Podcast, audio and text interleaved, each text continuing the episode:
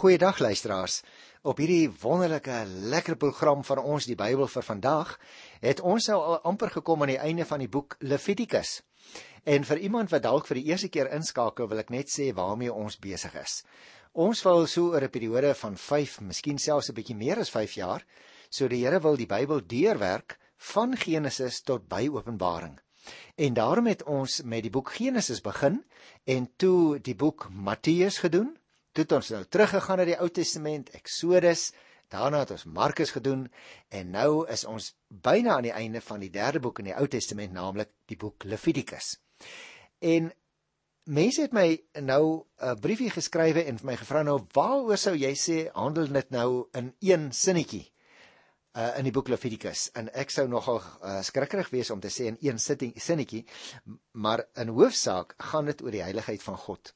En daarom hierdie hele klomp wette en voorskrifte wat die Here by monde van Moses vir die Israeliete gee destyds, is die bedoeling daar agter dat hulle moet besef die Here is 'n heilige God. En in hulle verhouding met hom kan gelowiges nooit maar net of jy nou Ou Testamenties of Nuwe Testamentiese tyd of in ons eie tyd lewe, kan jy nie maar net lewe soos wat jy wil nie. En daarom gee die Here praktiese riglyne.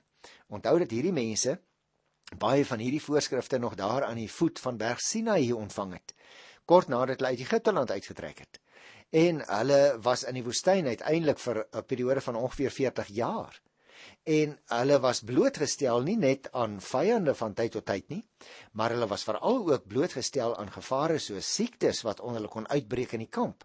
En daarvoor het die Here ook vir hulle bepaalde gesondheidsvoorskrifte gegee wat hulle daarteen kon beskerm En daarom sal jy onthou, het ek verduidelik al van tevore dat 'n mens die boek Levitikus eintlik in uh, 6 hoofafdelings kan indeel. Die eerste gedeelte het gehandel oor voorskrifte vir die verskillende offers.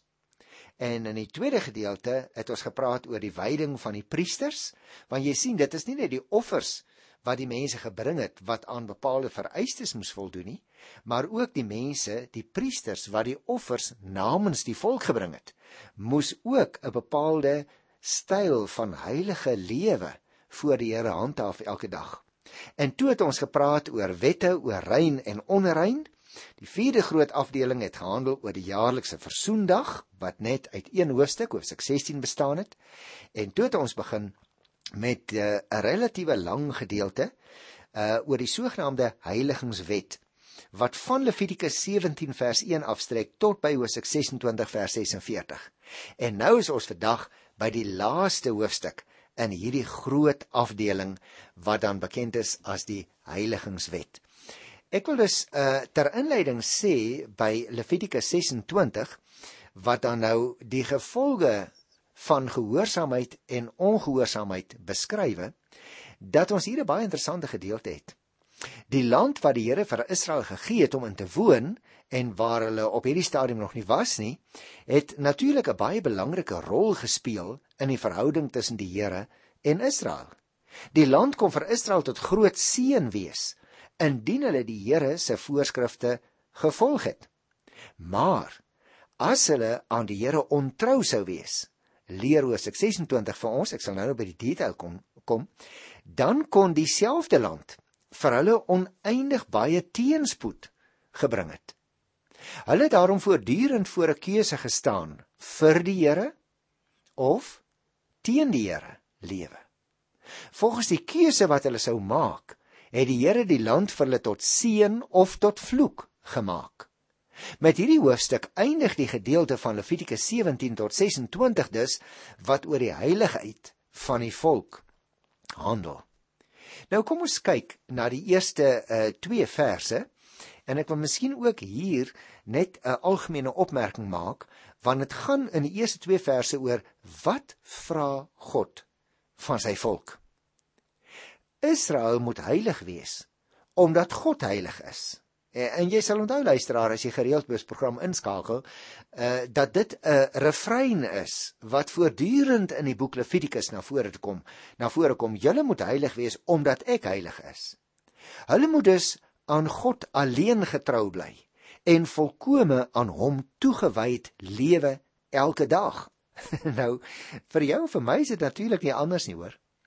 Die feit dat ons Nuwe Testamentiese gelowiges is, beteken nie ons kan maak en lewe net soos ons wil omdat ons sê Christus het vir ons betaal nie. O ja, natuurlik het hy vir ons sonde betaal.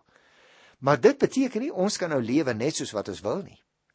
En in die boek Levitikus word dan gewys hoe die Israeliete van destyds hulle getrouheid en hulle toewyding aan die Here prakties moes uitlewe. Met ander woorde, as ek dit so om mag sê, hoe hulle heilig moet bly. Geen afgode moes gedien word nie. Die sabbate en die feesdae van die Here moes onderhou word en alles moes hulle doen wat by die heiligdom van God gepas het. En wanneer hulle later inkom in die beloofde land, dan verval hierdie voorskrifte nie. Want hulle bly nog steeds mense wat afgesonderd is vir die Here. En jy sal onthou die apostel Petrus skryf in die Nuwe Testament van ons as Christusgelowiges, julle is 'n afgesonderde klomp mense. Julle is 'n heilige nasie wat vir God eenkant gesit is in die wêreld. En daarom moet jy en ek elke dag onthou, selfs hierdie bepalinge wat ons in Levitikus lees, hou vir ons die stuk lering in dat ons 'n heilige God dien en dat dit tot gevolg het ons moet ook op 'n bepaalde manier teenoor mekaar optree. As uh, die Israeliete van destyds as hulle dit alles doen en getrou bly aan God, sal die Here die land wat hy vir hulle gegee het vir hulle tot voordeel en seën laat wees. Maar as hulle ongehoorsaam is en nie doen wat hy sê nie, sal hy die land allerlei probleme vir hulle laat oplewer en uiteindelik sal hulle uitgelewer word as ballinge en sal hulle die land moet verlaat. Nou kom ek lees hierdie eerste 2 verse hier in Levitikus by die 26ste hoofstuk. Die opskrif sal jy sien, ek hoop jy het 'n Bybel voor jou, seën en straf. Julle mag vir julle geen gode maak nie. Julle mag geen beelde of klippilare oprig nie. Julle mag in julle land geen klippe met afbeeldings hê wat deur julle vereer word nie. Ek, die Here, is julle God. Julle moet my sabbate vier en eerbied hê vir my heiligdom. Ek is die Here. Nou ek dink ons leer hier veral uit die eerste vers dat in die eerste plek moes Israel geen gode maak nie. Met ander woorde voorstellings van die teenwoordigheid van 'n God kon op 3 maniere in daardie tyd gemaak word. Dit kon 'n afbeeling van hout of metaal wees. As dit sulke voorbeelde uh, in Eksodus uh, 32 byvoorbeeld onthou jy daardie gedeelte van die goue kalf. Of dit kon 'n gewone regopstaande klip wees. Nou ons lees veral later in die tyd van die konings daarvan en dan het die Here dikwels profete gestuur en het hulle ehm um, tereg ook gepreek en gepraat teen die klippilare want dit was vir die mense van daardie tyd 'n 'n god wat hulle aanbid het. 'n Derde manier sou wees. Eerstens het ek nou gesê, uh dit kon gemaak word uh van uh, metaal of van hout of dit kon tweedens 'n regopstaande klip wees of derdens 'n klip met 'n plat vlak waarop daar afbeeldings uitgekap is of ingegraveer is. Dit sou ook kon geld as afbeeldings van gode. Nou al drie hierdie moontlike voorstellings word nou verbied. Dit het nie net vir afgode gegeld nie, hoor, maar ook vir voorstellings van die Here. Want jy sal onthou as 'n mens daar gaan lees in daardie gedeelte waarna ek nou nou verwys het in Eksodus 32 waar die uh, Israeliete vir hulle 'n uh, afbeelding gemaak het van goud. Uh dit was eintlik die goudbeslag waarskynlik oor 'n uh, oor 'n uh, hout kalf wat hulle gemaak het.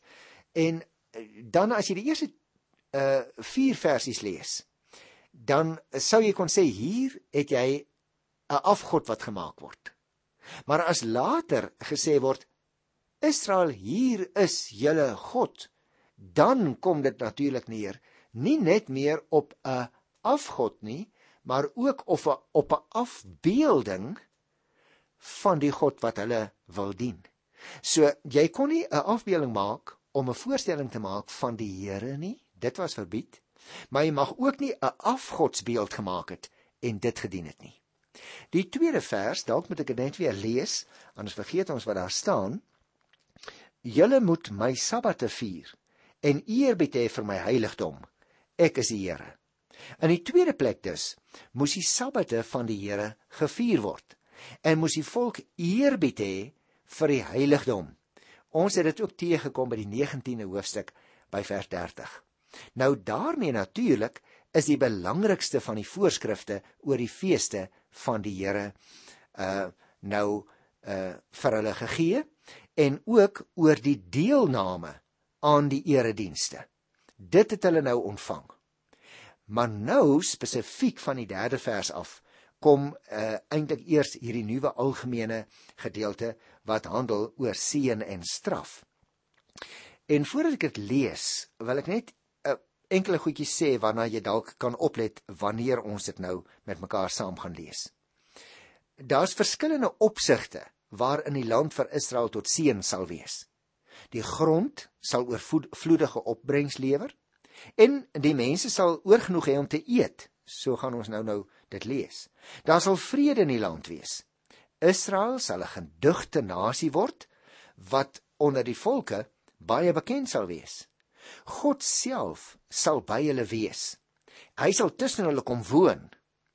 'n Gehoorsame Israel wat hulle aan God toewy, sal veilig en gelukkig lewe in die land wat God aan hulle gaan gee om in te woon.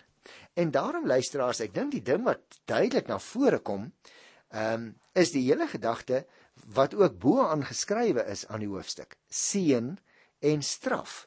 So kom laat ek net daaroor iets sê voor ons van vers 3 af lees. Jy sien dat selfs 'n persoon soos Esau so baie waarde aan die seën van sy ou vader Isak geheg het. Onthou jy nog, ons het dit gelees uh daar in uh, in Genesis toe ons die boek behandel het. Moet duidelik verklaar word uit die feit dat in die ooste baie meer waarde aan woorde geheg is as nou in ons tyd. Met ander woorde die seun wat die ou vader vir sy seun sou gee, dit het geluk gebring. Die vloek wat iemand uitgespreek het, dit het ongeluk gebring. Gaan lees gerus op Psalm 2, daar kry jy ook 'n voorbeeld, nê, waar daar geskrywe staan dat uh, jy jou vyande met 'n eysterstaf sal stukkend slaan soos 'n erdepot. En daardie hele beeld kom uit die agtergrond van destyds wanneer 'n mens uitgetrek het teen 'n vyand in die oorlog. Dan het jy voor die tyd sy naam op 'n erdekruik geskrywe, erdekruik op die grond neergesit en daarop gespring of jy het dit met 'n eyster septer stukkend geslaan. Die hele bedoeling is soos wat hierdie eysterpot met die naam van my vyand daarop nou vernietig word. So gaan ek met die vyand maak. So daar was dus verskillende maniere van seën uitspreek oor mense, maar ook verskillende maniere om vloek uh op mense as dit ware neer te trek. Uh 'n woord of 'n ding of 'n saak word in Hebreëus uh, deur dieselfde woord uitgedruk in hierdie verband. Byvoorbeeld, op sy sterfbed het koning Dawid nog steeds las gehad van die vloek wat deur Simei uitgespreek is. Onthou jy dit? Gaan gaan lees gerus in 1 Konings 2 daar by vers 8. Ehm um, of 'n ander voorbeeld. Spreuke 26 vers 2 vertolk 'n hoër standpunt as dit ware. Die priester seën of die Aaronitiese seën wat ons in Numeri 6 vers 22 en verder kry, was van groot waarde vir Israel, wat daardeur die beskerming van die Here geniet het. Met ander woorde, mense het vir hulle self die seën wat oor hulle uitgespreek is in die naam van die Here toegeëien of hulle kon ook die seën van die Here verwag as hulle in 'n baie intieme persoonlike verhouding met hom sou lewe. En dit is nou hierdie laaste geval waarvan ons 'n baie mooi beskrywing het hier in Levitikus uh oor 26 van vers 3 tot by vers 13. Kom ek lees dit. As julle my voorskrifte nakom, my gebooie gehoorsaam en daarvolgens lewe, sal ek vir julle reën gee op die regte tyd sodat die land oese sal lewer en die bome vrugte sal dra. Julle sal graan dors tot dit weer tyd is om vrugte te oes. Julle sal vrugte oes tot dit weer planttyd is. Julle sal oorgenoeg kos hê en sonder sorge in julle land woon. Ek sal vrede gee in die land sodat julle rustig kan slaap. Ek sal die ongediertes uitroei en daar sal nie oorlog in die land kom nie. Julle sal julle vyande verdryf en om die lewe bring. Net 5 van julle soldate sal 100 van die vyand op loop jaag en net 100 van julle sal 10000 op loop jaag. Julle sal hulle om die lewe bring. Ek sal vir julle goed wees, julle vrugbaar maak sodat julle 'n groot nasie sal word. So sal ek my verbond met julle nakom. Julle sal nie eens 'n vorige seisoen se graan kan opgebruik nie. Julle sal dit moet weggooi om plek te maak vir 'n nuwe oes. Ek sal by julle kom woon en nie 'n afskuw van julle hê nie. Ek sal by julle bly en julle God wees en julle sal my volk wees. Ek is die Here julle God wat julle uit Egipte laat trek het, sodat julle nie meer sy slawe hoef te wees nie. Ek het die juk wat julle moes dra, gebreek en julle vrygemaak. Nou luisteraars, ek dink hierin kom daardie baie intieme verband tussen die Here en die Israeliete na vore. Onthou weer eens wil ek sê, ons het te maak met 'n teokratiese opset. God is direk hulle hoof. Nou kom ek gesels so 'n bietjie meer in detail oor uh, hierdie vers 3 tot 13. As staan daar. As die Israeliete die voorskrifte van die Here sou nakom, sê vers 3. Let weer op. As voorskrifte nakom, dan sê die 12de vers, sou hy vir hulle 'n God wees. Die Here sou dit doen deur sy volk alles te gee. Ons het dit nou net gelees. Sy het doen deur vir hulle alles te gee wat hulle nodig het om veilig en gelukkig in die beloofde land te woon. Met ander woorde, hy sluit as as dit ware hierdie voorspoed wat hy beskrywe in vers 4 tot by vers 11. Hy sluit dit in deur te begin by vers 3 as hy sê as die voorskrifte nakom en hy sluit dan daardie sentrale gedeelte 4 tot 11 af deur te sê dan sal hy in vers 12 vir hulle 'n God wees. Luister na die faktore wat so 'n veilig bestaan in die land bedreig. Was droogte? Is van ons tyd ook so, maar kom ons praat nou oor hulle situasie. Dit was in die eerste plek droogte of ongediertes of oorloë. Uh as reën byvoorbeeld nie op die regte tyd geval het nie, dan was daar 'n misoes vers 4. En die vroeë reën in Oktober en November was belangrik vir ploeg en saai en om die koring en die gars in die grond te laat ontkiem. Die laat reën nou weer in Maart en in April was weer uiters noodsaaklik om die are in die putte van die graan te laat ontwikkel. Mens kry dieselfde gedagte in Amos 4 by die 7de vers. Die Here sou sulke goeie reëns gee, sê hy, sodat daar oorgenoeg kos sou wees. Hy sê dit twee keer om die waarheid te sê in vers 5 en hy sê dit weer in vers 10. Daar sal oorgenoeg kos wees. Met ander woorde, die boerderybedrywighede het soos volg verloop. September en Oktober was die maande vir die insameling van die olywe en die druiweoes. November en Desember was ploegtyd en saaityd. En dan in Januarie en Februarie kon er ook nog laatkoring gesaai word. Kan jy dit glo? In Maart was dit dan die tyd om die vlas te sny. Gedurende April moes die koring en die eerste gars geoes word. Mei maand was eintlik die maand vir die oes, vir die uittrap en die opberging van die koring. In Junie en in Julie is die tyd hoofsaaklik bestee aan die uitsny van die waterlote in die wingerde. In Augustus is somergroente en vrugte soos komkommers in tafeldruiwe geoes. Die Here lees ons sou die oeste so groot maak dat die insameling van die koringoes die boere tot aan die einde van Julie sou besig hou en die insameling van die olywe en die druifoes sou hulle besig hou tot diep in November. Tussen hakies het jy al ooit opgemerk luisteraar dat terwyl Israel eintlik 'n baie baie klein stukkie grondgebied is, is dit buitengewoon ryk aan die opbrengs van verskillende uh plante en oeste wat hulle deur die jaar kan insamel. En dit is omdat daar so unieke opset is dat daar vroeë en laat reëns is. Nou ja, goed. Vandag besproei hulle nou natuurlik die arme Jordaan hier aan sy suidekant het omtrent niks meer vloeiende water nie, want al die water word deesdae uitgepomp met 'n uh, eh, sentrifugale pompe uit die Jordaan om die landerye nat te maak.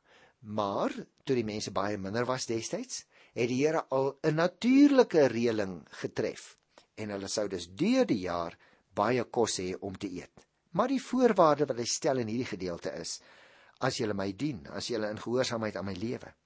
Hy sê daar sal so baie kos wees dat daar nie genoeg berreplek vir hulle sou wees nie. Hulle sou selfs van die vorige seisoen se graan moes weggooi om plek te maak vir die nuwe oes. Het ons in vers 10 gelees. Die Here sou selfs ook die ongediertes uitroei. Vers 6. Met ander woorde, dis nou uh, diere soos wolwe en beere en leeu's, selfs luiperds kon soms in daardie tyd 'n baie groot bedreiging wees vir die inwoners in Palestina. Jy kan daarvan gaan lees ook in 2 Konings byvoorbeeld, daar by die 17de hoofstuk of Hosea, gaan lees maar die 13de hoofstuk of Amos 5 vers 19 as die leeu brul, né? Uh so baie van hierdie diere uh het nou al uitgesterf het bestaan nou nie meer daar nie, maar destyds was daar hierdie soort wilde diere, roofdiere wat vir hulle baie groot gevare ingehou het. En die Here sê in vers 6: Ek sal selfs die ongediertes vir julle uitroei. Die Here sou die gevaar van vyandelike invalle afweer. Gaan kyk in vers 6 weer 'n keer. Hy sal vir hulle vrede gee. Met ander woorde, die vyand of as jy wil, die vyande, want so staan dit in vers 7 en 8 in die meervoud. Die vyande sou eintlik pateties vergelyk as jy hulle sou stel teenoor die Israeliete, sê vers 7 en 8. God sou die Israeliete 'n groot nasie maak, vers 9. En deur dit te doen in die land Kanaan aan hulle as 'n veilige woonplek te gee, vers 4 tot 8, sou God sy verbondsbelofte aan Abraham en sy nageslag nakom, sê vers 9. En dit natuurlik luisteraars is presies wat ons destyds gehoor het gehoor het in Genesis. Dink maar aan Genesis 15 sy eerste klompie verse. Genesis 17 se eerste 8 verse. Genesis 35 vers 11 en 12. Hoe dit daar voortdurend verwys is na die beloftes aan Abraham. En nou sê hy vir hulle op hierdie stadium in die geskiedenis, hulle is nou hier in die woestyn. So kan vorige keer gesê het sommige van hierdie stukke wetgewing het ook selfs later in die geskiedenis bygekom en dit is hier ingevoeg. Hy sê eenvoudig dat die beloftes wat hy vir hulle vader Abraham gegee het, daaraan sal hy getrou bly.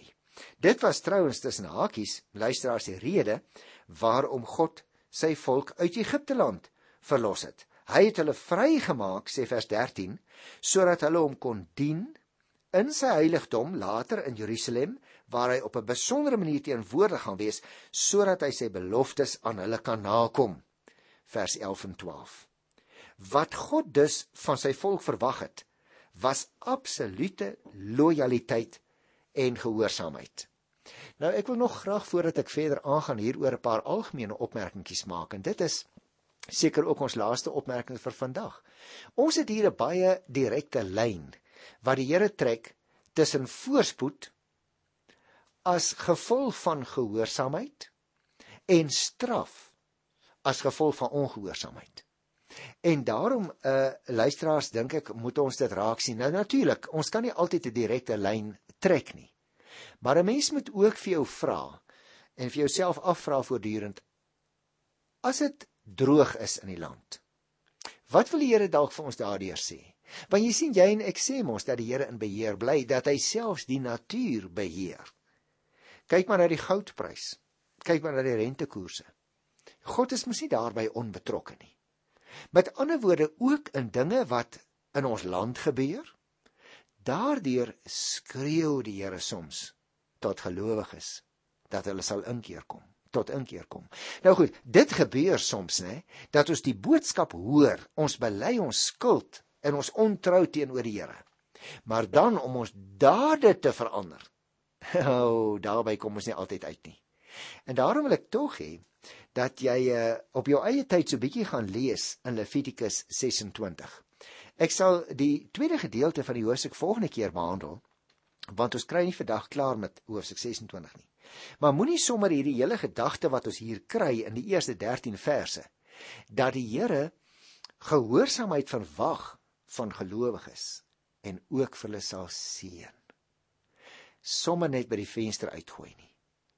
Ons is per slot van sake met die Here se woord besig en daarom moet ons die woord van die Here vir vandag en op vandag se situasie toepas. Mag die Here regtig vir jou en vir my die genade gee om wanneer ons sy woord lees en wanneer ons belangrike riglyne daarin opmerk en raak lees dat ons dit met eerlike harte op ons eie lewens sal toepas. En op daardie noot luisteraars hou ons op vir vandag.